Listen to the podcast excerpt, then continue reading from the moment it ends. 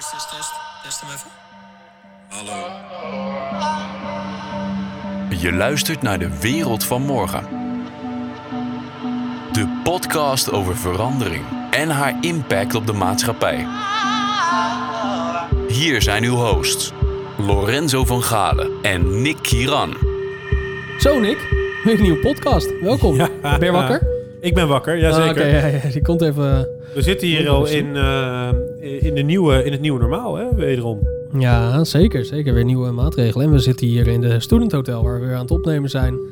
Ehm, en daar wil ik ze ook voor bedanken. Ja, en ik wil even beginnen met jou, eh, met, beginnen met het introduceren van een slachtoffer van Mobility as a Service. Wat dan? Jij belde mij net, Nick, ik kan niet Oh, naar ja, je toe klopt, komen, ja, er zijn klopt. geen Felix in de buurt. Ja, helemaal kut. Ik was eh, op Zo, de Kop van Zuid. Nou, ik vond het wel kut. Oh, oké. Ik eh, was op de Kop van Zuid en er was geen enkele Felix. eh, Wat, een, wat, een, wat een realiteit leven we in eigenlijk, hè? Echt geen enkele Felix was er beschikbaar. Nul. Maar ik ga ook geen nieuwe account aanmaken. Want als jij een check-account wil, weet je wat je dan moet doen.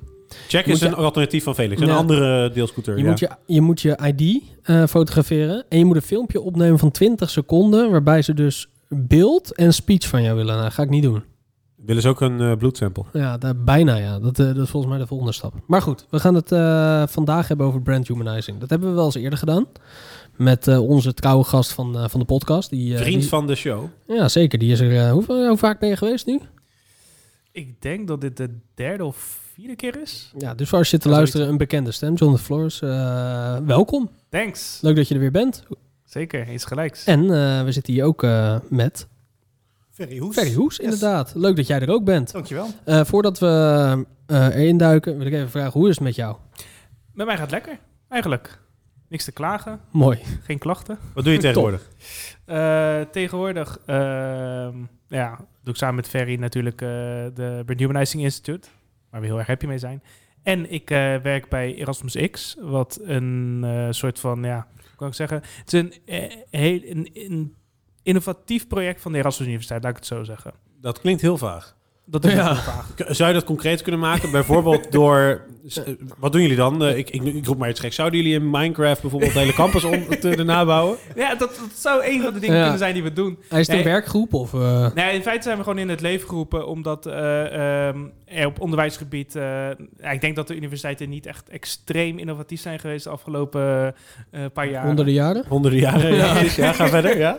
En ik denk dat het daarom echt heel erg in need is voor een, eh, een, een, een team zoals wij. En wij gaan ons voornamelijk focussen op eh, radicale innovatie. Er zijn ook wat andere teams die wat richten op eh, innovatie die wat sneller toepasbaar is. Hm. Eh, maar wij zullen ons meer focussen op dingen die misschien over een paar jaar pas realistisch zijn.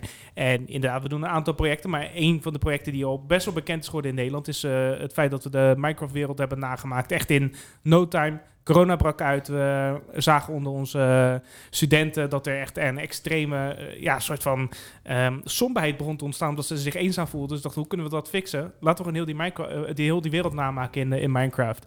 En eh, nou ja, daar gebeuren nu, gebeurt nu al wat van alles en nog wat in. Maar het is ook voor ons een eh, soort van wereld om te, in te experimenteren. Wat, wat, wat is er überhaupt mee mogelijk? Ferry, eh, ja, leuk dat jij er bent. Eh, Dankjewel. nou, je, je zei het al, introduceer jezelf even. Wat, eh, wie, ja, wie ben jij, wat doe je? Ja, Ferry van inderdaad ook de Brand Humanizing Institute. Ja. Ehm, dat is voor mij iets fulltimes. Ehm vooral bezig ook met veel, veel onderzoek daarin. Eh, Ja. Zelf, om een stukje achtergrond te geven, ik kom uit de corporate wereld. Eh, en ik kom daarnaast ook uit de growth en marketing wereld. Dus ik heb eigenlijk een beetje alle twee de kanten nu gezien. Ehm, en sinds 2016 ondernemer. eh, investeerder eh, en nu sinds 2019 echt fulltime op de Brand Humanizing Institute. Oké, Heel kort is dat. oké. en dan wil ik natuurlijk weten, wat is dat? Wat de Brand Humanizing Ja. Institute is? Ja, ja dat, is, een- dat is een goede vraag. Ehm, dat is eigenlijk jaren geleden. eh, ik denk, kijk even naar Jona. Volgens mij is het 2017, 2018 geweest zo. Ja. Dat wij samen in de iconische McDonald's zaten eh, hier in de buurt. Ehm, waar we het hadden over wat we in ons werk tegenkwamen. Jullie hadden zo'n kinderfeestje. We hadden een kinderfeestje. Ja, ja.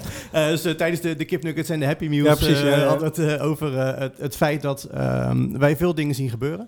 Vanuit ons werk doen, ook vanuit growth hacking wat we allebei deden Ja. zien we veel dingen gebeuren. Hoe men data gebruikt, misbruikt. Hoe eh, bedrijven met mensen omgaan. Hoe consumenten gestuurd worden enzovoort. En toen zeiden we tegen elkaar, volgens mij zit hier iets. Volgens mij, wij, wij voelen dat er iets niet klopt. En als we zo doorgaan, dan gaat het denk ik fout. En vanuit daar zeiden we, we moeten het wat meer gaan vermenselijken. Uh, we moeten brands gaan vermenselijken. En zo is eigenlijk de term brand humanizing ontstaan. Waarbij we dus onderzoeken en samen met bedrijven de dialoog aangaan van hoe, hoe doe je dat nou eigenlijk? En met brands bedoelen jullie gewoon organisaties, bedrijven, Ja. zowel publiek als, eh als pri privaat? Ja, ja absoluut, absoluut. We zijn ook betrokken bij eh, overheden. eh, Ja. Onder andere bij de Nederlandse AI-coalitie. Dus ook daar eh, kijken we mee. Dus in principe elke organisatie, daar, daar kijken we weer mee. Ja. Dus het is eigenlijk een, ja, eh, een advies die je, die je geeft aan bedrijven die dat signaleren. En daar kunnen ze jullie voor, voor inschakelen. Of in ieder geval, zij, zij signaleren een, een probleem. Dus misschien komen we te ver van onze klanten te staan. Of er is een bepaalde barrière die ik me kan voorstellen wat je hebt bij grote bedrijven. Ja, hoe, hoe, kan je, hoe kan je dan inderdaad de, het contact persoonlijk maken? Dan kunnen ze op jullie terecht. Nou, onder andere, als je, wat je terecht zegt bij grote bedrijven waar heel veel speelt, veel innovatie spelen, ehm, die durven vaak een eerste stap te nemen richting nieuwe technologieën. En daarbij is vaak de vraag, ehm, ja, hoe, hoe moeten we, waar lopen we allemaal tegenaan? En grote bedrijven hebben vaak de neiging om ehm, eh, vol gas te gaan. Eh, dan gaan we niet meer eh, onderzoeken van wat zijn de mogelijkheden, maar oh, we gooien alle mensen eruit en we stoppen de machines in. Dat is heel zwart-wit gezegd, waar wij zeggen, wacht even, wij gaan met je meekijken om te kijken wat je dan anders zou kunnen doen in die situatie. Maar dat is toch ook gewoon een effect van de industriële revolutie, waarbij we mensen steeds meer als resource zijn gaan zien van de organisatie. Dus op zich in lijn van die gedachte, eh, volgens mij is de kapitalistische gedachte juist je kosten zo laag mogelijk houden, je winst zo hoog mogelijk brengen. Klopt, maar dat kan je op korte termijn doen en dat kan je op lange termijn doen. En korte termijn is inderdaad mensen volledig vervangen voor machines. Die machines autonoom maken en hopen dat ze doen wat je wil dat ze doen. Je kan ook naar de lange termijn kijken en zeggen wat is dan de nieuwe positie voor mensen. Uh, machines hebben een bepaalde positie, die kunnen bepaalde dingen. Mensen kunnen hele andere dingen. En de druk is om te kijken waar kunnen die mensen dan echt van waarde zijn.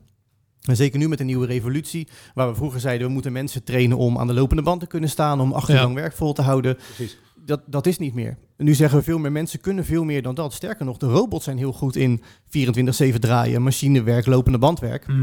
Mensen voet- moeten veel meer creatief gaan zijn, in contact gaan zoeken, mens gaan zijn. Ja. Dus eigenlijk is de volgende stap voor bedrijven, dus de echte revolutie, is hoe ga je mensen herpositioneren binnen jouw organisatie, zodat ze lange termijn mensenwerk kunnen doen. Ja. In plaats van lange termijn robots mimiken. Duidelijk. Nou, ik wil heel even eh, terug naar stap 1. Want we hebben inderdaad wel eens een podcast gedaan hè, met jou, eh, Jonathan, eh, Yes. eerder over brand humanizing. En ik denk als je nu zit te luisteren en je komt hier koud in en je hoort brand humanizing, dan denk ik, als ik er koud naar kijk als, als buitenstaander, van je moet een brand een soort van persoonlijkheid geven. Of het moet, het moet een, een persoon zijn, het moet toegankelijk zijn. Is dat, is, is- is- omschrijf ik de term zo goed of heeft het een hele andere definitie? Ik, denk wel dat je hem nog iets anders kan definiëren.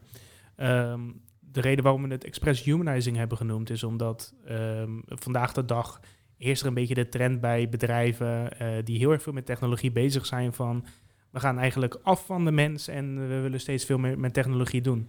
Ehm, en ik denk dat je brand humanizing veel beter kunt eh, definiëren als, een, als het op zoek gaan naar de perfecte synergie tussen eh, aan de ene kant technologie en aan de andere kant mensen. Waarbij we dus het human eh, gedeelte er, spe- eh, ja, er per se in wilden benoemen, omdat dat zo belangrijk is voor de Ja. toekomst. Dat je niet van die grote, eh, ja, gezichtloze bedrijven krijgt die volledig autonoom op technologie werken. Eh, maar dat je naar een wereld toe beweegt waarin juist de technologie gebruikt gaat worden om ook menselijker te kunnen gaan werken. En heel erg relevant inderdaad, wat jij ook zegt met die ontwikkelingsgolven waar we met Bob eh, vaker over hebben gehad. Eh, is dat we van de industriële eh, golf naar een technologische golf gaan waar heel veel mensen straks ja, minder werk hebben, laat ik het zo zeggen, of geen werk, eh, waar heel veel banen vervangen kunnen worden. Ehm, maar dan is mijn vraag ook gelijk, is er überhaupt dan voor, voor heel veel banen die vervangen kunnen worden, toch nog wel een plekje binnen die bedrijven? Dat denk ik eerlijk gezegd wel. Ja? We hebben toevallig hier laatst nog onderzoek naar gedaan. We hebben een onderzoek ge- eh, gedaan dat heet State of Human 2020, waarin we eigenlijk beslissingnemers en eh, experts binnen bedrijven hebben gevraagd van wat denken zij dat nou de rol is van, van de mens in de toekomst? Eh, dat je, terwijl je ook ziet dat deze trend gaande is van steeds meer AI, steeds meer technologie. Ja.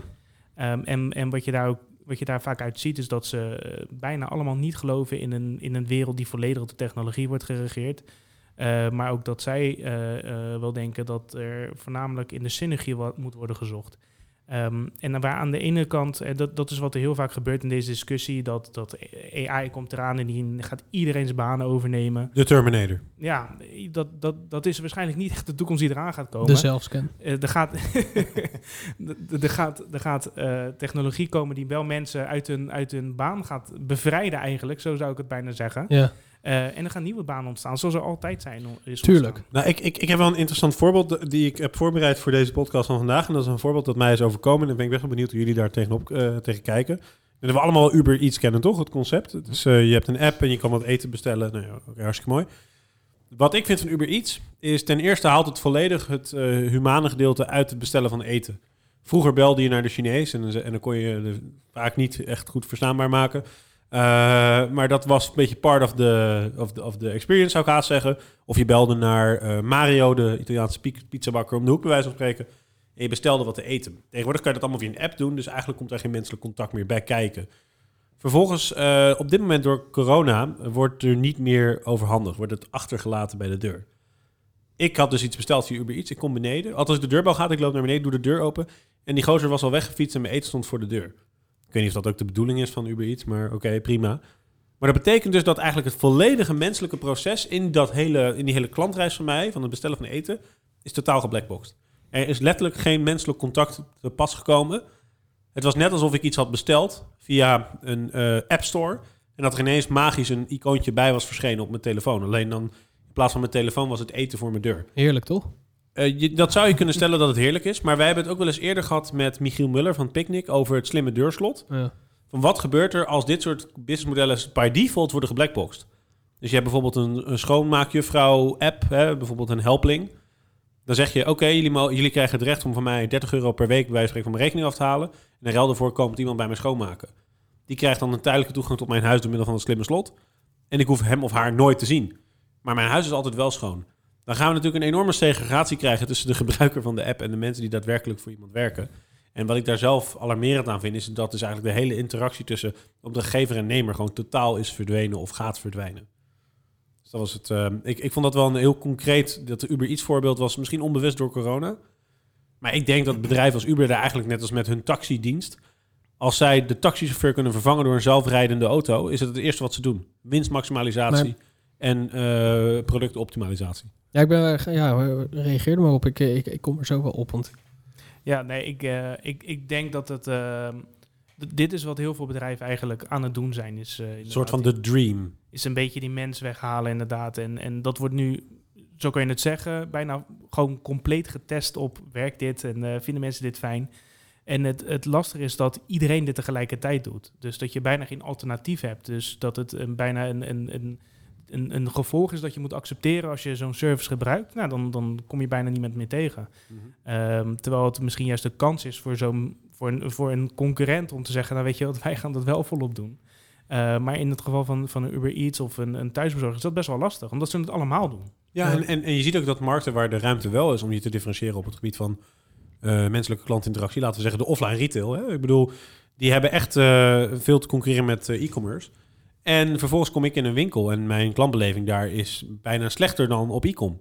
Nee, ja, dat, dat is En ook dat een- is, en dat, dan, doe je, dan zou je haast zeggen, je doet het Ja. jezelf aan. Dat is, dat is echt een voorbeeld dat we heel vaak aanhalen van waarom eh, is er plaats voor dit soort businessmodellen? Omdat het alternatief ook niet veel beter is. Want als je naar een, een, een- we hebben heel vaak een voorbeeld gepakt dat we bijvoorbeeld Picnic vergelijken met, eh, met de Albert Heijn. Weet je, Picnic is op dit moment, je hoeft nergens naartoe. Het wordt gewoon bij je thuis eh, bezorgd. Het is waarschijnlijk ongeveer even duur. Eh, het, het Goedkoper. goedkoper, misschien zelfs. Eh, het scheelt je heel veel tijd. Je hoeft niet door de winkel heen te lopen. En er, wat is het alternatief? Dat is wel naar de winkel gaan, daar zelf alles pakken en parkeren, kosten. parkeren, kosten. mensen die niet eens aardig naar je kijken. Dus, dus Ja. die, die hele offline markt, die heel menselijk Mhm. zou kunnen zijn, is al niet menselijk meer. Maar, maar gewoon even serieus vraag, Ferry. Doe jij, als je bij de Albert Heijn gaat winkelen, doe jij zo'n Albert Heijn polo aan? en dan een zelfscanner pakken. En, eh, ja, precies, want je werkt daar praktisch, toch? Je bent een soort wel. omgekeerde magazijnmedewerker ja, daar. Ja, ik, ik ben je moet zelf scannen, en, je eh, moet ja. zelfs order pikken, je moet zelf afrekenen, je moet er ook nog naartoe. Ja, ja, Zelfs de transportkosten zijn voor jou. ja, daarom ga ik er ook niet meer, eh, niet meer naartoe. Nee, precies. En dat is omdat het businessmodel geflawed is. Nou ja, ze geven me geen reden om naar ze toe te gaan. Exact. Het is wat, wat Jonathan zegt. Ik, eh, ik ben erg klant bij, eh, bij de online supermarkt. En die sturen voor- vooraf een berichtje. eh, Piet is onderweg. Hij is er zo laat. Eh, we hebben een, sample voor je wel toegevoegd. Hoef je niet voor te betalen. Eh, er komt iemand aan de deur. Die vraagt of ik nog lege flessen heb, of ik nog tasjes heb. Eh, als ik naar de Albert Heijn ga, inderdaad, er wordt niks gezegd. Je ziet niemand. Nou ja, misschien goedemorgen, maar... Ja, waarschijnlijk wordt je de winkel uitgekeken door de, door de beveiliger. Ja, Die kans is groter dan goedemorgen. nou ja, precies. Nou, dat, dat Wij wonen in Rotterdam, voor de duidelijkheid. Ja, precies. Dus de kans dat dat gebeurt is, is vrij groot. Ehm, maar ik heb geen reden om daar naartoe te gaan. En of ik dan moet kiezen tussen, als ik fysiek moet, een, een Jumbo of een Albert Heijn of een Plus. Of, het is allemaal precies hetzelfde. Het treurige is wat ik dan vaak ook denk, en ik weet niet hoe jullie daarover denken, is dat het, het scenario dat de Albert Heijn full online gaat, vind ik groter dan dat ze dit gaan verbeteren. Dat denk ik ook. Ja. Of aannemelijker. Nou, ik haal uit deze verhalen twee kernwoorden. Dat is één efficiëntie. Want Uber, als je daarnaar kijkt, zou het super efficiënt zijn. Ik bedoel, er hoeft niemand aan te pas te komen. Er is geen, er is geen miscommunicatie met iemand aan de telefoon. Het gaat goed, het wordt neergezet en je hebt je eten. Hè, van A tot Z, gewoon heel binair. Het werkt. Maar aan de andere kant is er ook vertrouwen. Want je wil toch ook iemand spreken. Van, hé, die maakt mijn eten. Ik wil iemand horen. Ik wil iemand die het aan me geeft. Ik wil iemand die zegt... eh, Belevenis. beleving, inderdaad, gevoel. En volgens mij zijn dat twee eh, waarden waar dat schuurt, dus waar dat spanningsveld is, van wat is de goede combinatie tussen dat vertrouwen, wat je creëert met menselijkheid, gevoel en efficiëntie. Wat weer bij Picnic volgens mij een hele mooie combinatie is. Want er komt inderdaad iemand aan de deur en die zegt van, hey, heb je nog tasjes, dit of dat, kan ik dit meenemen, zo. Volgens mij is dat, zijn dat de kernwoorden. Heb ik, eh, hoe, hoe, zie jij dat, Jonathan? Nee, ik denk, ik denk dat je daar eh, de spijker mee op de kop slaat. Wat heel veel bedrijven zijn gaan doen is, oké, er is meer technologie. Ehm, dus dan gaat het voornamelijk alleen maar om efficiëntie en dat andere Ja. kunnen we vergeten. Terwijl als je nu gaat kijken, is met de technologie van vandaag, kun je eigenlijk misschien wel wat mensen, wat mensenwerk, in ieder geval wat taken overnemen. En dan niet die mensen ontslaan of een contract voor minder geven, maar eigenlijk kun je met exact dezelfde kosten je beleving omhoog, omhoog brengen. En dat is wat heel veel bedrijven dus niet doen. Die denken aan de, oh, ik kan nu op korte termijn eh 10 euro per uur eh, go- goedkoper uit Ja. zijn, dus daar ga ik voor. In plaats van nadenken van, hé, hey, maar met die extra vrijgekomen tijd, als ik daar de beleving eh, mee verbeter, of het klantcontact verbeter, of mijn relaties verbeter, dan kan dat heel veel lange termijn effecten hebben die uiteindelijk misschien tot meer geld op de rekening leiden dan die even korte termijn 10 euro per uur die je bespaart. Maar Zijn er ook geen businessmodellen, laten we Uber de taxi even als voorbeeld nemen, eh, die waarschijnlijk gewoon gedoemd zijn vanuit het menselijke kant? Die kunnen waarschijnlijk, eh, waarschijnlijk kan een zelfrijdende auto efficiënter, beter, veiliger, goedkoper mij van A naar B brengen dan, eh, dan dat een, een, een, menselijke dat kan. En volgens mij is dat ook een beetje de strekking van, van jullie rapport. En dan duiken we even in de editie van 2020, of 19, pardon. Ehm, toch? Zeg ik dat goed? Nee, 2020. Oh, 20, pardon. Eh, nee, eh, ja, we zitten inmiddels aan 2020. Eh, ja, dit jaar is zo voorbij gevlogen, jongens. Dat is echt, eh. Nee, maar, maar er zijn natuurlijk ook bedrijfstakken waarbij eigenlijk de menselijkheid eruit halen misschien helemaal niet zo'n heel slecht idee is. Omdat het product is beter, noem maar op. En diezelfde taxichauffeur zou bijvoorbeeld wel iets anders kunnen doen.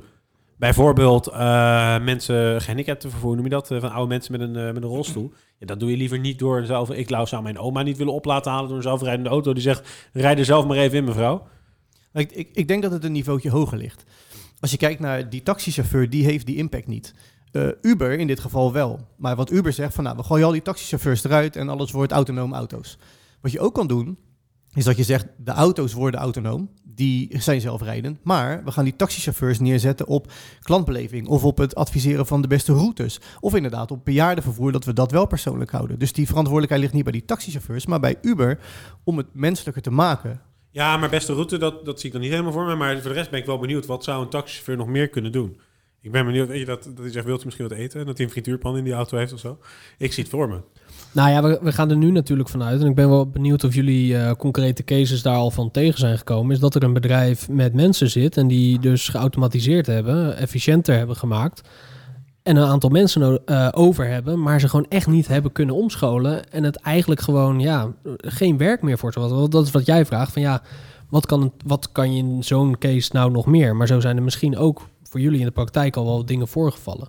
Het is best wel lastig, want in dit geval hebben we het specifiek over Uber. Ja, En laten we ervan uitgaan dat, dat de, ze echt volledig autonoom rijdende auto's die geen fouten maken, dat is e- echt nog een toekomstscenario. Sure. Dat- daar zitten we nog niet. Maar stel je voor dat we dat binnen 100 jaar weten te bereiken, eh, dan zou ik zeggen, zeker onder mond van veiligheid, doen. Weet je wel? Ja, dan is het een beter product. En als, eh, als de mensen een, een, geen persoonlijke touch missen, hey, geen probleem. Je zou zelfs nog kunnen zeggen, als het een toeristen zijn, dan eh, zet je er iemand bij als een soort tourguide. Eh, maar, maar dan is dan, weet je, de, de enige mens die je nog in, een, in zo'n auto zou stoppen. Maar waar een Uber dan naar zou kunnen kijken is, wat zouden ze met de extra vrij, vrijgekomen bespaarde kosten kunnen doen in het bedrijf om de relatie met hun kleinklant beter te maken? Want hoe vaak heb je iemand van Uber überhaupt ooit gesproken?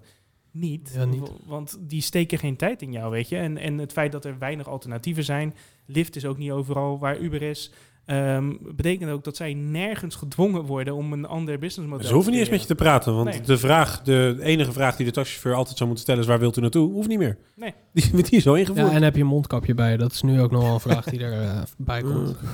Ja, oké, maar het, het gaat, het gaat bijvoorbeeld ook om eh, eh, als er iets fout gaat. Eh, hoe makkelijk is Uber te bereiken en hoe, hoe, werken ze, hoe werken die mensen daar? Hoe vaak heb je dat mensen die op een callcenter werken en dan heb je een, en spreek je echt met een mens, maar die gedraagt zich als een robot. Ja, dat zijn scriptvoorlezers, die mensen. Althans, niet die mensen, maar die worden ge- getracht Om zich zo te om zich gedragen, te gedragen. Ja. En wat krijg je dan? Dan is het voor een bedrijf eigenlijk bijna een no-brainer. Want als een mens zich als een robot moet gedragen, dan kun je er net zo goed een robot kan je zo'n IVR erop zetten, inderdaad. Toch? Ja, precies. Ja. En, en, en dat is een beetje het gevaar dat er, dat, er, dat, er, dat er zit. En in markten waarin weinig concurrentie zit, zoals ik denk eh, een beetje de markt waar Uber zich in bevindt, ja, zij, zij hebben geen externe drang om iets anders te gaan doen. Maar er zijn heel veel andere industrieën waar dat natuurlijk wel zit. En als we dan weer naar Albert Heijn teruggaan eh, in combinatie met eh Picnic, wat heel veel offline bedrijven doen, en daar heeft Ferry ooit een keer een artikel over geschreven, is dat zij bijna alles naproberen te doen wat heel succesvol werkt voor online bedrijven. Maar het is geen online bedrijf. Kun je daar een voorbeeld van geven? Nou ja, je ziet het eh, bijvoorbeeld bij, bij supermarkten en kledingzaken bijvoorbeeld. Die gaan dan kijken van hoe worden wij weggeconcurreerd door de online winkels. En dan kijken ze naar prijsstelling, efficiëntie, thuisbezorging. eh, en dat zijn eigenlijk een beetje de, de speelvelden die ze hebben. Ze kijken niet naar de online of naar de, de offline beleving. Ze kijken alleen maar naar, oké, wat doet de offline kant? Maar de offline kant kan goedkoop, want de overhead is lager, personeelkosten zijn er niet. Ja. Eh, hè, dat is allemaal veel makkelijker voor ze om mee te spelen. Terwijl een winkel het moet hebben van de food traffic die daadwerkelijk naar binnen komt. Dus ze kijken naar de hele verkeerde kant. Ze zijn eigenlijk aan het vechten met een niet bestaande concurrent. Want als je heel realistisch kijkt, zijn online en offline geen concurrenten van elkaar in die zin. Nou ja, je zou kunnen stellen dat je de stad niet meer ingaat omdat je al in je behoefte bent voorzien. Nou ja, eh, nogmaals, net als bij de supermarkt, geven we een reden om langs te komen. Als jij precies hetzelfde doet als een online winkel, dan kan ik het net zo goed online bestellen. Ja. Volgens mij zei Cor Molenaar, hoogleraar aan de Erasmus Universiteit, toevallig een keer. Oh, je wil je ook zeggen ja. dat hij zei van ja, de Albert Heijn of de supermarkt wordt straks nu een gaarkeuken. Dat is een hele zure oude man. Die zei die wordt een gaarkeuken. Dan kan je straks alleen nog maar warm gehouden eten kopen. En dan liggen je boodschappen, je dagelijkse boodschappen liggen er nog wel. Maar de rest komt gewoon in je brievenbus, zei hij. Hij zei, ik, ik, ik hoor, ik, ik heb die man nooit gesproken, maar ik denk dat hij zo praat ongeveer. Ja, maar dat, dat, dat, is, dat is op het moment dat zij deze mindset blijven volgen, is dit een heel erg realistisch scenario. Of nog sterker nog, dan worden ze gewoon een, een picknick alternatief. En dan zijn ze ook volledig online. En dan hebben ze misschien straks bijna geen offline winkels meer. En daarmee zijn ze, zullen ze altijd een, een mindere variant zijn van Ja. iets wat al heel goed werkt. Terwijl ik zou denken, je bent een winkel met belachelijk veel traffic. Echt belachelijk veel traffic, een Albert Heijn eh, vestiging. Kan je zoveel mee doen. Echt zo verschrikkelijk veel. mee doen. En Ik- het- inderdaad, haal het wc-papierschap even uit je winkel en laat dat lekker thuisborgen. Prima, vindt iedereen best, denk ik. Maar, Ja, wat maar dan komt kom er je weer op beleving. Ja, dan kan je, die, Want, dan kan je die zin terugbrengen. Bijvoorbeeld die ehm, sushi-store, die is hier in Kralingen Ja. bij Albert Heijn. Precies. Vind ik echt een leuk concept. Zo'n en- soort restaurant in de Albert Heijn. Ja, dat, dat is een optie. Maar vroeger, als je in een, eh, als je in een eh, supermarkt kon, kon je ook nog wel eens wat proeven. En stond er een keer iemand eh, van eh, proef even een nieuwe kaas. Of weet Nu je, met, dat was, nu met was corona is dat eh, minder. Dan is het inderdaad minder. Maar ik bedoel, de beleving in de supermarkt is natuurlijk ook niet iets waar je voor kiest om dan naar de supermarkt te gaan. Nou, wie kijkt ernaar uit om naar de supermarkt te gaan? Ja, nee, dat is ook zo. en- en Mensen boven de 80, En dat de is een enige enigste waar- uitje, denk Het ik. enige waar ik in geloof eh, zijn niches. Dus als jij een winkel hebt, een fysieke winkel met in een bepaalde niche. Dus ik eh, noem maar iets, ik eh, speel zelf een Japanse kaartspel. Nou, dat doe je op een bepaalde locatie. En ja, die hebben gewoon heel veel traffic, want je kan dat daar op die plek spelen. En er is maar een beperkt aantal eh, plekken in Nederland die dat eh, aanbieden. Eh, maar goed, een supermarkt eh, ja, waar iedereen elke dag gebruik van maakt, dat is natuurlijk heel generiek. En daar hoef je niet voor naar een fysieke winkel. Zeker niet als die beleving er niet is. Alleen we hebben denk ik iets te veel eh, commercieel vastgoed eh, te vullen met niches. Ja, We zijn, nee, dat kan ons hele niet. model, ons hele model van de binnenstad, hè, als het even op retail blijven hangen, is natuurlijk gebouwd op eh, vijf verschillende H&M's in de binnenstad van Rotterdam. Ja. Nou, bijvoorbeeld, even een, een idee. Stel je voor, je bent aan Albertijn en er zijn heel veel lokale ondernemers in Amsterdam, Rotterdam, Den Haag. Eh, geef, ge- geef die ondernemers gewoon een shop-in-shop om een, om een lokaal product eh, daar neer te zetten, bijvoorbeeld. Of maak er een sociaal eh, gedeelte van, ik noem maar. Er zijn best wel veel opties om er toch een beleving van, van te maken. Ja, wat wij, wat wij, een voorbeeld dat wij heel vaak hebben gebruikt in het geval van de supermarkt is... ehm, de cashiers heb je straks niet nodig. Eh, sterker nog, dat hele self-checkout ding gaat straks ook weg. Want dan Ja, krijg je een beetje het, eh, het Amazon-model. Je doet het gewoon in je mandje en dat wordt toch wel gescand. Nou ja, Ehm, de vakkenvullers is ook robotwerk. Dus waarom zou je mensen robotwerk moeten laten uitvoeren? Kan je beter de robots laten doen. Dus ook de vakkenvullers zullen straks helemaal verdwijnen. En wat krijg je dan? Een, een heel leeg magazijn waar dan alles autonoom is. Dat, dat, dat is geen alternatief voor Picnic. Weet je, dan is Picnic wint eigenlijk altijd in dat geval. En als het magazijn komt naar jou toe. Precies. En wat je dan zou kunnen doen is eh, eh, met die extra vrijgekomen eh, ja, kostenbesparing. zou je bijvoorbeeld een diëtist neer kunnen zetten. Iemand die je gaat helpen om te kijken Ja. naar hey, hoe kun je. eh, en dan gratis, hè? Niet, niet iets waar je ineens voor moet gaan betalen. Dat is dan de unique eh, proposition van Albert Heijn ten opzichte van bijvoorbeeld een concurrent die niet een diëtist heeft staan, maar een personal trainer. Zeg maar wat. Precies. Ja. Zo kan je allerlei diensten eromheen verzinnen. Maar stel voor dat je die, die diëtist hebt met wie, van wie je gratis gebruik kan maken. Waar je, waar je daar normaal gesproken van zou, voor zou moeten betalen. Eh, die kan je helpen met het, vast, met het vormgeven van een voedingsschema passend bij je doelen. En met producten die natuurlijk daar in de winkels liggen. En waarschijnlijk aan het eind van je gesprek ligt alles wat je hebt besteld ligt al voor je klaar. Ja. Dat zij ook eh, Dat is geoptimaliseerd is met data. Dat die diëtist zegt van ja, ik wil je graag helpen, maar ik heb even je data erbij gepakt. Die Oreo's, dat had je niet moeten doen, niet hè? je Maar- moeten doen. Ik wil wel wat, eh, wat ik wil toch even de, de advocaat van de duivel spelen, eh, heren. Het is natuurlijk allemaal heel erg leuk en we kunnen mensen omscholen en we kunnen kijken waar, dan, eh, waar die mensen wel goed in zijn. Maar ja, er zullen ook altijd concurrenten zijn die gewoon op prijs gaan zitten en die het gewoon veel goedkoper, efficiënter kunnen doen. Dus die, Ehm. de cost leadership gaat overwinnen, zeg je dan? Nou, dat weet ik niet. Eh, gewoon een advocaat van de duivel. Van ja, ha- hartstikke leuk, maar op, het moet wel goed geprijsd zijn. Ja. Eh, en als het efficiënter is, en het kan met computers en met robots, ehm, ja, dan is dat goedkoper vaak. Dat zien we. Eh, dan je- mensen, want mensen zijn duur. Personeel is het allerduurste onderdeel van een, van een bedrijf. Maar als je nu al de prijzen vergelijkt tussen Picnic en, en de Albert Heijn, is het praktisch hetzelfde. En dan moet je nu dus denken dat de Albert Heijn al die mensen dus eigenlijk kwijtraakt die ze nu hebben. En daar kun je eh, voor datzelfde vrijgekomen geld kun je weer nieuwe mensen inhuren. Eh, dat betekent niet dat je exact evenveel mensen daar hebt, hebt staan Mhm. werken. Want een vakkenvuller is, is in kwaslaas natuurlijk niet gelijk aan een, eh, aan een diëtist. Maar ik kan me voorstellen dat je daar dat je, dat je hosts hebt, eh, hebt lopen die je misschien helpt met je boodschappen doen. Misschien ook voor de oudere bevolking. Voor mensen die er gewoon even snel doorheen kunnen gaan. Dat, dat mag er ook zijn. Misschien een ehm, motivational coach in Albert Heijn. je weet maar nooit. Zou ik wel sterk vinden. Dat hij zegt, neem het nou niet. Pak nou die light variant. precies. En maar ook als je... En, en, eh, Je wil kan ik- het. Wil ik even een heel ander voorbeeld geven. Een van de eh, eh, ja, continu groeiende retailbedrijven op aarde is Apple. En, en als je kijkt naar hoeveel mensen zij per vierkante meter hebben lopen in die winkel, dat is niet normaal. Eh, je kunt er terecht voor allerlei soorten Maar ik hoop dat ze er één per anderhalve vierkante meter hebben lopen. 1 per anderhalf vierkante meter. Nou, ja, bijna. Dat hoop ik. Want anders zijn ze niet in lijn met Ja, eh, nee, COVID. zeker. Ja, maar wat, je- wat jij zegt, ze hebben heel veel fysieke locaties en daar zijn ook heel veel mensen. Ze, blijven Maar- ze blijven Ja. groeien, maar ook als je kijkt Maar ze hebben daar toch ook gewoon echt hele aparte rollen. Dus is, iemand is daar niet verkoper. Iemand is daar bijvoorbeeld een specialist op het, op het doen van creatieve dingen op die producten. Ja, onder andere. En, en eh, eh, de manier waarop zij technologie inzetten is dat een magazijn is, is, dat is er niet. Producten liggen niet in de winkel. Op het moment dat jij een product daar eh, koopt, dan komt iemand dat product aan naar jou toe brengen. Gefeliciteerd met je product. Ja. Ehm, maar als jij thuis bent en je koopt wat online en je wilt ze spreken, dan staat er gewoon een telefoonnummer waar je iemand kan bellen die met alles kan helpen. Heb je net een product bij hun aangeschaft, dan, kan je, dan bieden ze ook gratis cursus aan hoe kan je dat product beter leren eh, eh, gebruiken. Maar is dat ook niet een, een mogelijkheid omdat zij dus niet op die cost leadership zitten? Tuurlijk. Zij hebben de marge ook om een veel uitgebreider product te kunnen bieden. Maar dan zal de, de, de wereld zal er altijd uitzien. Je zal altijd partijen hebben die extreem op kosten zitten. Of de goedkoopste eh, eh, prijzen voor de producten, zoals je nu hebt. En, je, en er zullen bedrijven zijn die op veel hoger niveau gaan zitten. En dat hele tussensegment wat er zit. Kijk, bedrijven die, die het allergoedkoopste, eh, de, de, eigenlijk misschien de meest grote troep aanbieden, die zouden misschien volledig autonoom kunnen werken. En ik denk dat in Nederland, dat is misschien een beetje een treurig scenario, dat dat misschien op korte termijn nog de winnaars zullen zijn ook. Dus dat je een soort eh, daling hebt van het, van het humanisme in het Nederland, zou ik maar zeggen, in Nederland. Dat die bedrijven overwinnen en dat dan langzaam de alternatieven weer oppoppen, omdat mensen denken van, hé, maar dit is niet wat we wilden. Ik denk ook dat wij, wij zijn ehm, gestart om een alternatief te laten zien. Ja. Dat als je nu gaat kijken, is dat het is in feite nog steeds een hele grote hypothese dat het huidige model, of dat dat, dat nieuwe model gaat werken. Dat als je al die mensen weghaalt, dan gaat het werken.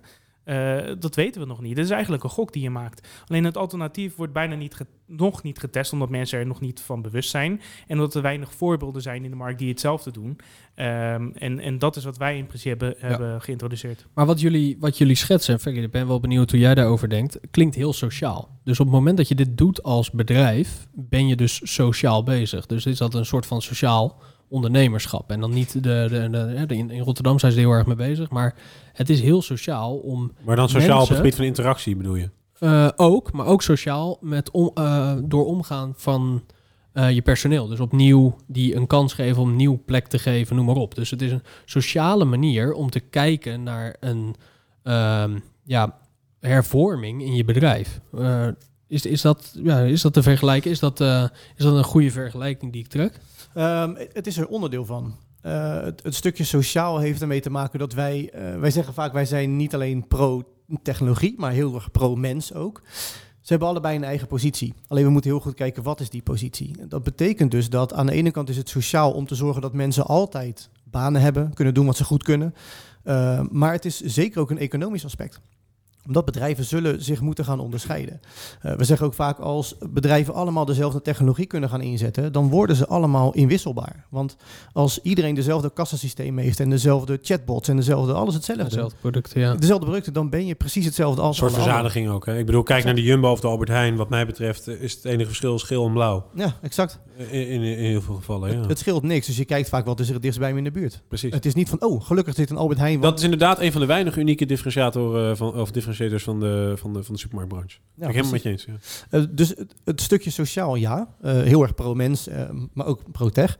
Ehm, maar aan de andere kant ook heel erg van... bedrijven moeten op een andere manier gaan kijken naar wat zaken doen is. Als je dus al je processen kunt laten automatiseren, top. Maar wat is dan je differentiator? Dat is mensen. Want als jij creatieve mensen hebt en sociale mensen... en mensen met gevoel voor klantenservice... dan kan je veel verder komen dan het bedrijf dat zegt... nee joh, alles is geautomatiseerd. Als je een probleem hebt, dan zoek je het maar uit met de chatbot.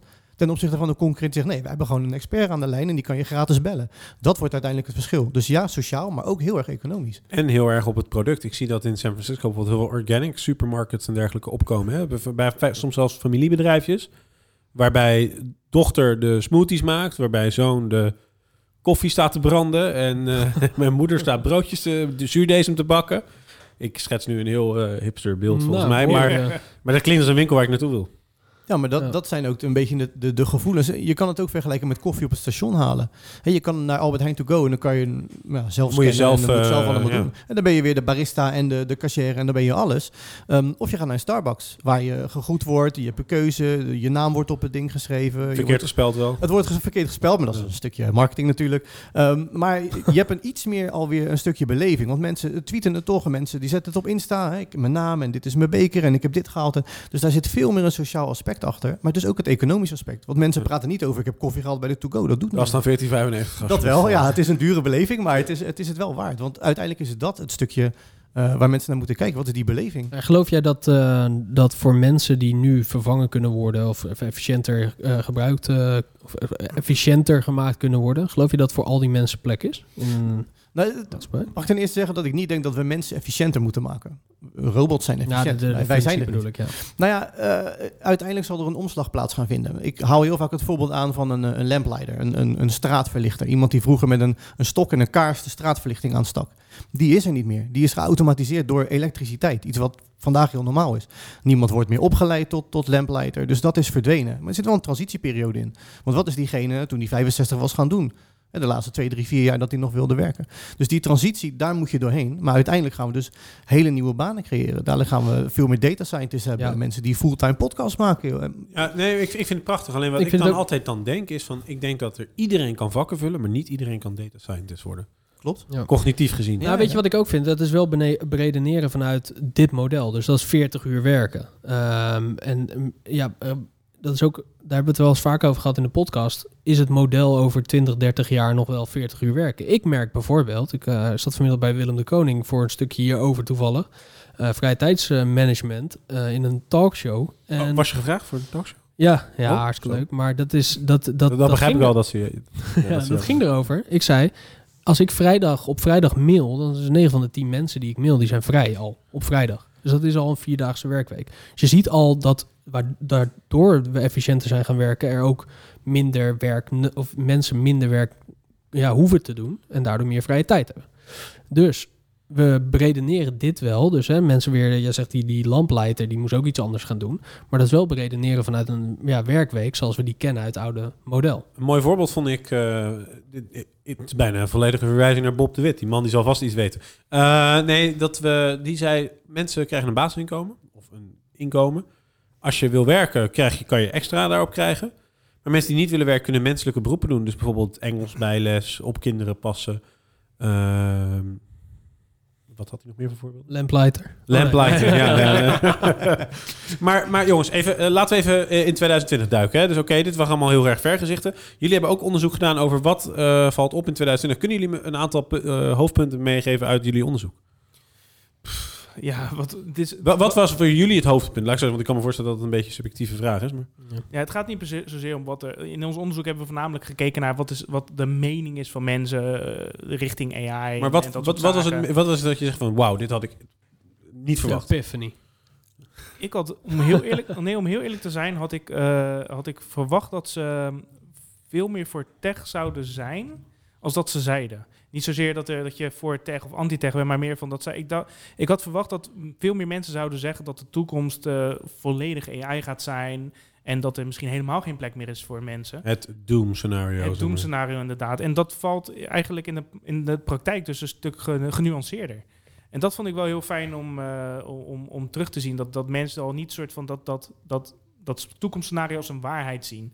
Want het is het ook niet. Het is een, het is een, het is een voorspelling van wat er zou kunnen gebeuren. En doemscenario's zijn altijd interessant om te vertellen natuurlijk. Het is, niemand vindt het... Ja, het, was, het is niet leuk om te zeggen... ja, de toekomst eh, eh, is eigenlijk eh, een beetje hetzelfde zoals nu. Alleen met meer technologie. En mensen gaan andere banen doen. Dat, dat klinkt minder... Beetje meer consumeren. Ja. Iets meer geld. Ehm, dus, meer dus inflatie. ik vond het... ja, precies. ja. Nee, maar ik, eh, ik vond het fijn om, om, om te lezen dat, dat experts er ook op zo'n manier eh, over nadenken. Eh, wat wel grappig was, is dat er, er was dan echt één comment zat ertussen die zei van... eh, ehm, name one thing a human can do and I will automate it. Weet je, die was heel erg van de technologie kan alles. En wat, wat zei je toen? Wat was die one thing? Nee, ja, dat, dat zei ik, dat was een, gewoon een antwoord op een vraag. Nee, je hebt toch wel iets teruggestuurd, cer- Nee, nee, nee, nee. nee. nee, nee want wij My job, zei My je. ja. maar weet je, dus, dus er zijn wel mensen die zo denken, maar het, het gros van de mensen die wij in ieder geval hebben geïnterviewd, die, die dachten niet zo over. Eh, alleen ze weten niet zo goed hoe de toekomst nog eruit ziet. En eh, wij hebben daar best wel ook een, een, onze eigen laag op, eh, opgelegd. dat die toekomst hem heel erg in synergie gaat, gaat zitten. Dus dat die technologie zeker gaat komen. zeker heel veel banen gaat overnemen. Of misschien niet eens banen per se. In heel veel gevallen zal het misschien zelfs zijn dat het taken gaat overnemen. Rollen gaat veranderen. Precies, en de, en de toekomst Ja, gaat nieuwe banen creëren of gaat misschien nieuwe taken creëren. Het zou zomaar een toekomstscenario kunnen zijn dat we inderdaad naar een, veel, eh, naar een werkweek gaan met veel minder uren. Ik, denk- ik denk dat we daar allemaal We kunnen gewoon mens zijn. Precies dat. Ja. Maar een van de dingen... waar- heerlijk zijn? hè? een- ja, dat is Ja. fantastisch. Maar een van de dingen waar ik dan vaak aan denk... Onze huidige westerse wereld is gebouwd op het kapitalisme. Hè? Ja. Dus jij eh, voegt waarde toe aan een maatschappij, wordt daarvoor beloond. Precies. En nou, we noemen het vaak de American Dream, maar ik denk dat dat in Europa net zo goed eh, geldt.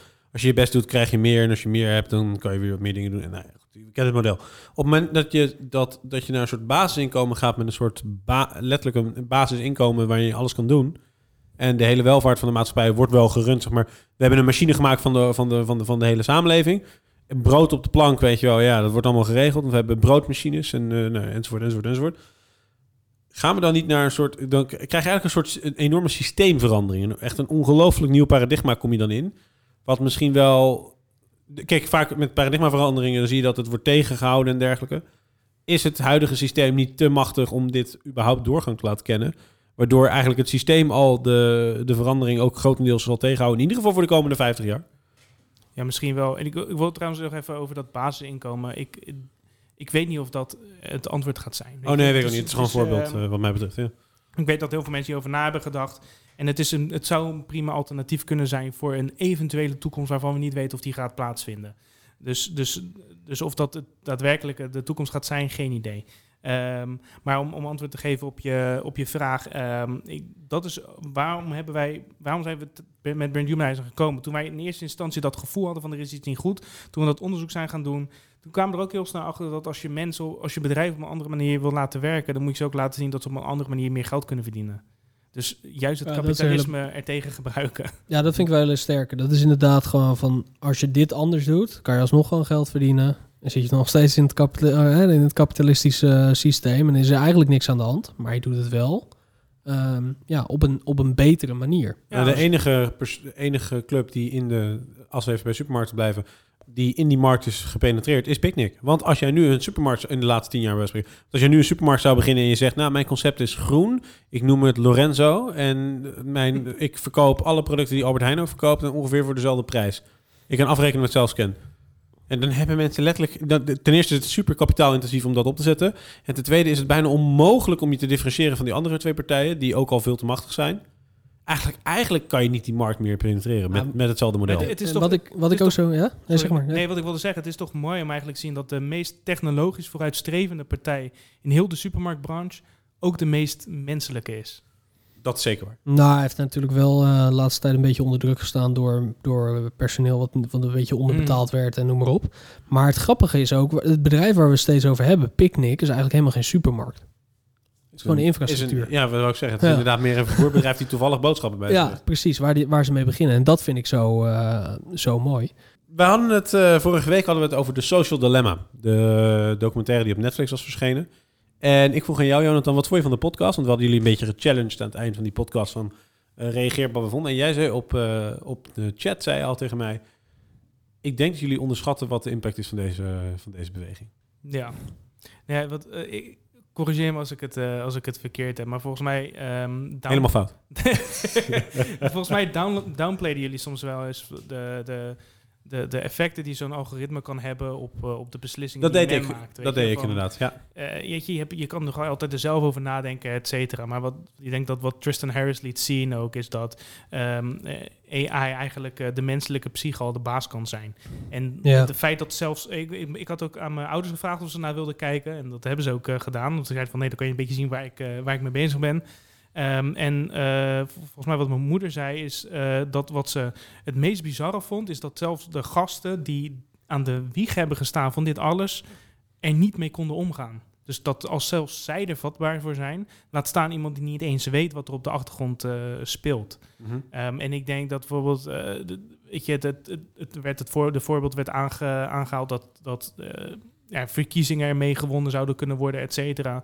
Ehm, maar dat trok ik in twijfel. Ik dacht dat de size niet zo groot zou zijn. nou ja, er zijn dus eh, voorbeelden geweest. In, eh, en eh, dat, dat heb je ook in The Great Hack gezien. Dat is een beetje die soort van voor, nou, spirituele voorloper Ja. hiervan. Dat ze in Afrika op die manier heel veel eh, macht hebben verkregen. En dan zeker als het gaat in een democratisch stelsel. Nou hadden jullie het ook over van ja, hoeveel mensen moet je dan over, overhalen? Eh, in, in Amerika ging het uiteindelijk om niet heel Je hoeft niet een hele groep mensen eh, heel anders te laten denken om een verkiezing te winnen. Want er zijn een soort van, zeker in Amerika zijn er soort van, nou, daar heb je dat twee partijensysteem, dat de mensen of helemaal aan de ene kant zijn of helemaal aan de andere kant. En dan heb je dat stukje ertussen dat twijfelt. En zij konden eh, eh, op basis van hun algoritmes een beetje inzien van hoe groot is de, de totale groep die we zouden kunnen eh, zien als een, als een douder in feite. En die douders, die zijn ze massaal gaan aanvallen met echt miljoenen euro's. Misschien zelfs miljarden. Ehm, en op die Wie manier, zijn ze? Eh, in dit geval was het dan Cambridge Analytica die eh, eh, eh, Ingehuurd het was door het campagneteam van, eh, van... Trump hielp. Ehm, en, en op basis van heel veel Facebook ads en het, en het indelen van mensen in hele specifieke segmenten, et cetera, ehm, hebben ze best wel een impact kunnen hebben daarop. Ja, je Maar zou... even, even los van de, van de, van nog van de, ehm, van de verkiezingen. Ik bedoel, Ferry en ik hebben dit algoritme jarenlang zelf gebruikt slash misbruikt om de meeste dingen te verkopen. Dus jullie hebben Mark Rutte Growth hacking. growth Bedoel je? Toch? Ja, Jullie hebben voor de. VVD, Nee, eh, nee. voor de VVD eh, Nee, campagne voor, voor hem. met, Oh, de, jongens, met de filmstudio in, nu de- wordt het in de Tweede Kamer. Ja. Welke, wat hebben jullie gedaan? ja, nu wordt het interessant. Nee, maar eh, wat jij zegt, misschien... eh, ja, jij zat het vooral een beetje te downplayen. Van ja, je hebt toch nog zelf... eh je kan, kan zelf beslissen, maar... Je weet ook dat ik dat doe voor de discussie, hè? Nee, tuurlijk, dat is ook zo. Maar we weten... ik vind dit uiteraard. Maar weet je wat ik het met AI vind ook, eh Jonathan? Is dat eigenlijk niemand echt weet wat het doet. Dat Nee. zeiden ze ook in die documentaire. We hebben het altijd over AI, die twee Ja. letters. Alter- uh, uh, artificial intelligence, noem maar op. Uh, deep Oh. learning, machine learning, hè? al die termen.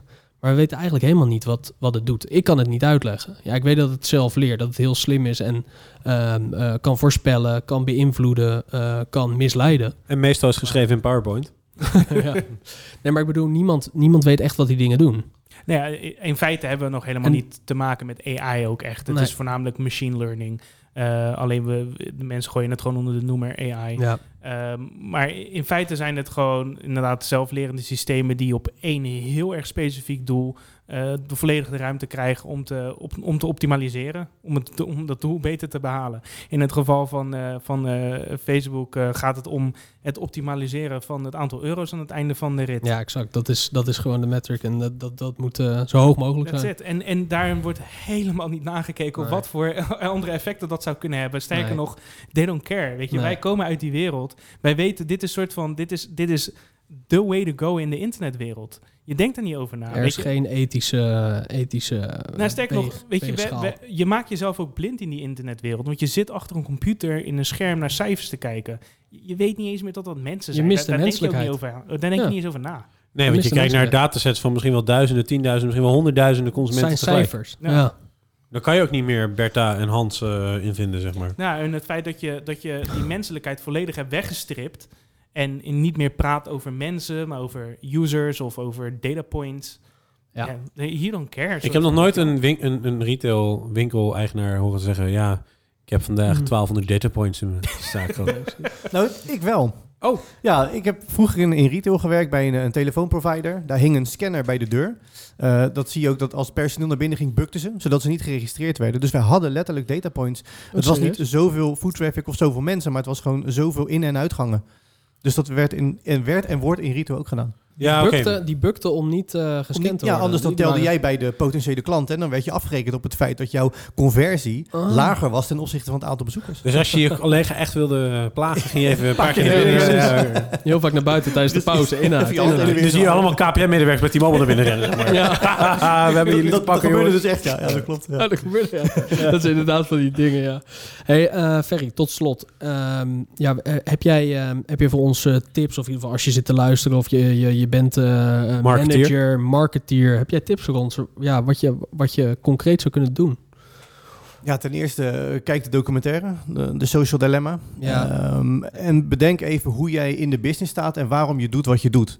Eh, en wat, wat Jonathan terecht zegt, vaak is het gewoon een gegeven dat je als je marketingbedrijf dat je dat op deze manier doet. Je koopt ads in en je zorgt dat het algoritme jouw potentiële Is de game. Dat is Het de is game. game, weet je. Je kan Precies. boos worden, maar we zijn allemaal gamers. Juist. Maar bedenk eens wat een andere manier zou kunnen zijn om bij jouw klant in de buurt te komen. En ik zeg niet schaf alles af, niks meer doen. Maar kijk eens naar andere manieren hoe jij menselijker kunt zijn. En hoe mensen jou makkelijker kunnen contacten. Of hoe je die beleving kan vergroten. Dus niet alleen maar volgen wat iedereen doet. Probeer te doen wat iedereen niet doet eigenlijk. Maar in de game, dat is een beetje bijna eh wetenschapsfilosofisch, is prudence de kern. Dus het niet verliezen. En als je deze stap neemt, is de kans op verliezen misschien iets groter dan dat hij ervoor was toen je nog meedeed. Ik denk dat de kans dat je lange termijn verliest groot is als je blijft doen wat je nu doet. Maar er zijn heel veel bedrijven eh, die natuurlijk heel erg op korte termijn acteren. Aandelen, aandelenwaarde bij de grote corporate tot aan eh, winstbejag van de ondernemer. En dat is, eh, dat is eigenlijk wat jij zegt. Is een, een, een- jij roept eigenlijk op tot systeem, verandering in systeemdenken. Ja, maar geleidelijk. En nogmaals, laat niet het oude systeem direct los, want dan ga je echt verdrinken. Want eh, we gebruiken het en het is nog steeds logisch dat het er is. Hè? Miljoenen mensen gebruiken dit platform, zoals bijvoorbeeld Facebook. Dus waarom zou je in één keer weglopen? Maar wat kan je ernaast zetten? Wat kan je er als alternatief tegenover zetten? Dan is het semi-veilig, hè? want je doet nog steeds wat de meeste mensen doen. Dus je blijft wel een beetje in diezelfde pool zitten. Maar wat kan je daar tegenover zetten en hoe succesvol is dat voor je? En dat is heel erg afhankelijk van het product, denk ik, wat je, wat je, wat je hebt of verkoopt. Nou, beleving creëer je zelf. Je kan Ja. van een dienst kan je ook een enorme beleving maken. Nou, ik vind een mooi voorbeeld hiervan. En eh, volgens mij is dat Banlieue. Heb ik een keer in, de Rotterdamse Nieuwe podcast gehoord. is een eh, kledingmerk, maken trainingspakken. Sinan, ja. Eh, en een gedeelte van die omzet, hè, even los van de, de, de- het product wat ze maken, eh herinvesteren ze in probleemwijken. Eh, wat natuurlijk een waarde toevoegt aan een lokale gemeenschap. Dat is een beetje een social return. Maar tegelijkertijd geeft dat ook weer betekenis aan, aan het gebied waar... Volgens mij komt dat uit Rotterdam-West, toch? Ja, Ja, precies. dus dat, Rotterdam, eh, dus, bij- dus bij dat geeft ook een Ja. trotsgevoel aan, aan, aan, aan die groep. En ik denk dat een van de mooie dingen die ik vind, bijvoorbeeld aan de fashion-industrie, er zitten ook heel veel negatieve kanten aan, is dat die lijnen steeds korter worden en steeds eenvoudiger wordt om zelf een merk op te zetten, waardoor je ook hyperlokale eh kledinglijnen kan bedenken. Dus het is helemaal niet zo gek om te bedenken dat je een kledingmerk bent die zich echt richt op Rotterdam-West. Wat, nou ja, als je tien jaar geleden dat had gezegd, was ongekend. Dan had je gezegd, ja, veel te kleine markt, is een niche. Ja. En dat kan nu wel. En ik vind dat wel mooi dat je op die manier ook een, een, een, een trotsgevoel of een apprecierend, eh, of, of dat mensen meer eh, het gebied op appreciëren waar ze vandaan komen, kunnen vatten in eh, identiteit eigenlijk. Hè? Want het gaat niet zozeer om de stof. Ik denk dat het gaat om de identiteit die je ontleent aan die kleding. Ja, dat, is dat, dat is dat merk gebeuren. Dat is ook waarom wij specifiek voor de naam brand humanizing Exact. hebben niet organisatie humanizing. Weet je, elke, elke organisatie is in feite een, een merk. En als je, als je bedenkt dat je, dat, dat je een merk op een andere manier in de markt kunt zetten. eh, en daarmee dus misschien zelfs succesvoller kan zijn dan het is exact het huidige model. Eh, dat is eh, waar wij een beetje op hinten. Ik zie toevallig net een tram voorbij rijden. Ik, moet er dan, ik kan dan niet laten om dan te denken, als ik in een tram stap en ik scan in, enige toegevoegde waarde van de mensen die tram los van de chauffeur, dus die eh, controleur zeg maar, is om te kijken of ik wel hun regels volg. Ja. Terwijl dat is heel negatief, dat is heel controlerend. Je zou natuurlijk ook veel meer kunnen denken, hé hey, wacht eens even. Waarom zijn die mensen in de tram er niet om bijvoorbeeld toeristen te herkennen, te zeggen waar gaat u vandaag naartoe? Ja. Kan ik hem helpen? Dat ze gewoon een soort stadsambassadeur, gastheer inderdaad eh, rol op zich nemen. Ja, 100 procent. Ik wil even een heel goed voorbeeld wat meteen in me opkomt. Ze hebben bij de Hornbach hebben ze nu ook van die zelfscankassa's. Ja, klopt ja. ja eh, Helemaal top. En dan loop je naar buiten en dan word je van top tot teen nagestaard of je niet iets hebt gestolen. Ja. ja, mooi. Ik heb zoiets van, als jij niet klaar bent om zo'n zo'n proces in kaart te brengen, als jij de, je klant niet vertrouwt, doe het dan gewoon helemaal niet. Nu moet ik ook zeggen dat het ook wel opvallend was dat ik met 12 euro naar buiten ging, maar wel een hele nieuwe badkamer. Ja, dat is wel heel toevallig inderdaad. Dat is gek, ja. Echt een hele goede prijs waardoor Ja. mag. Zo. Hey, ja. eh, we zetten de, de... Staat het online trouwens, jullie onderzoek? ja, ja, ja, dat, eh, zeker kan je dat vinden? Dan zetten we dat even, eh, even in de notes. Dan eh, kunnen, ja, kan, kan je als luisteraar dat... De snow note. de snow notes, inderdaad. Snow notes. Ja, en dan, eh, dan kan je dat nalezen en eh, eh, vinden. Nou, mag ik jullie dan eh, bedanken, Ferry Hoes en John Flores, weer voor jullie eh, bijdrage. Eens gelijk. Eh, Graag gedaan. Jullie bedankt. En eh, ja, tot de vol wa- wanneer gaan we weer volgende opnemen? Volgend jaar dan weer? Kijken, hoe het, eh, kijken wat voor cases jullie hebben gedaan. Ja, wie weet. Lijkt me mooi, Of toch? Misschien gebeurt er wel iets heel interessants in de... Kunnen we de. Least Human Brand Award eh, Ja. Zo echt, hè? Dat zou een Oh, lekker shamen. Lekker shamen, ja. Dus als de, de koude douche, maar dan... eh, Maar van, de van Tros Radar inderdaad. Ja. Maar dan andere, Ja, maar dan. Andersom. Ja. En dan ook de Most Human Brand. Ja, dat, En dat is dan, dat is dan eh, personal training uh, Lorenzo van Galen BV geworden, zeg maar, bijvoorbeeld. Die, nou, de ZZP'er die echt heel, heel human is in zijn eh, aanpak. Nou, bedankt. Eh, ja, Nick, jij ook weer bedankt. Tot, eh, wat hebben wij op de agenda staan nog voor eh, de komende tijd? Eh, ik moet heel eerlijk zeggen dat ik, het, dat, ik, het- dat ik het niet weet. Nee, dat Nee, klopt. klopt. Nou, we gaan eh, misschien wel weer wat eh, met Bob doen. Als, als die wil. Als hij wilt, ja. Hij is, eh, hij is heel druk, hè? Nou goed. Eh, dank jullie wel. Eh, tot de volgende. Dankjewel.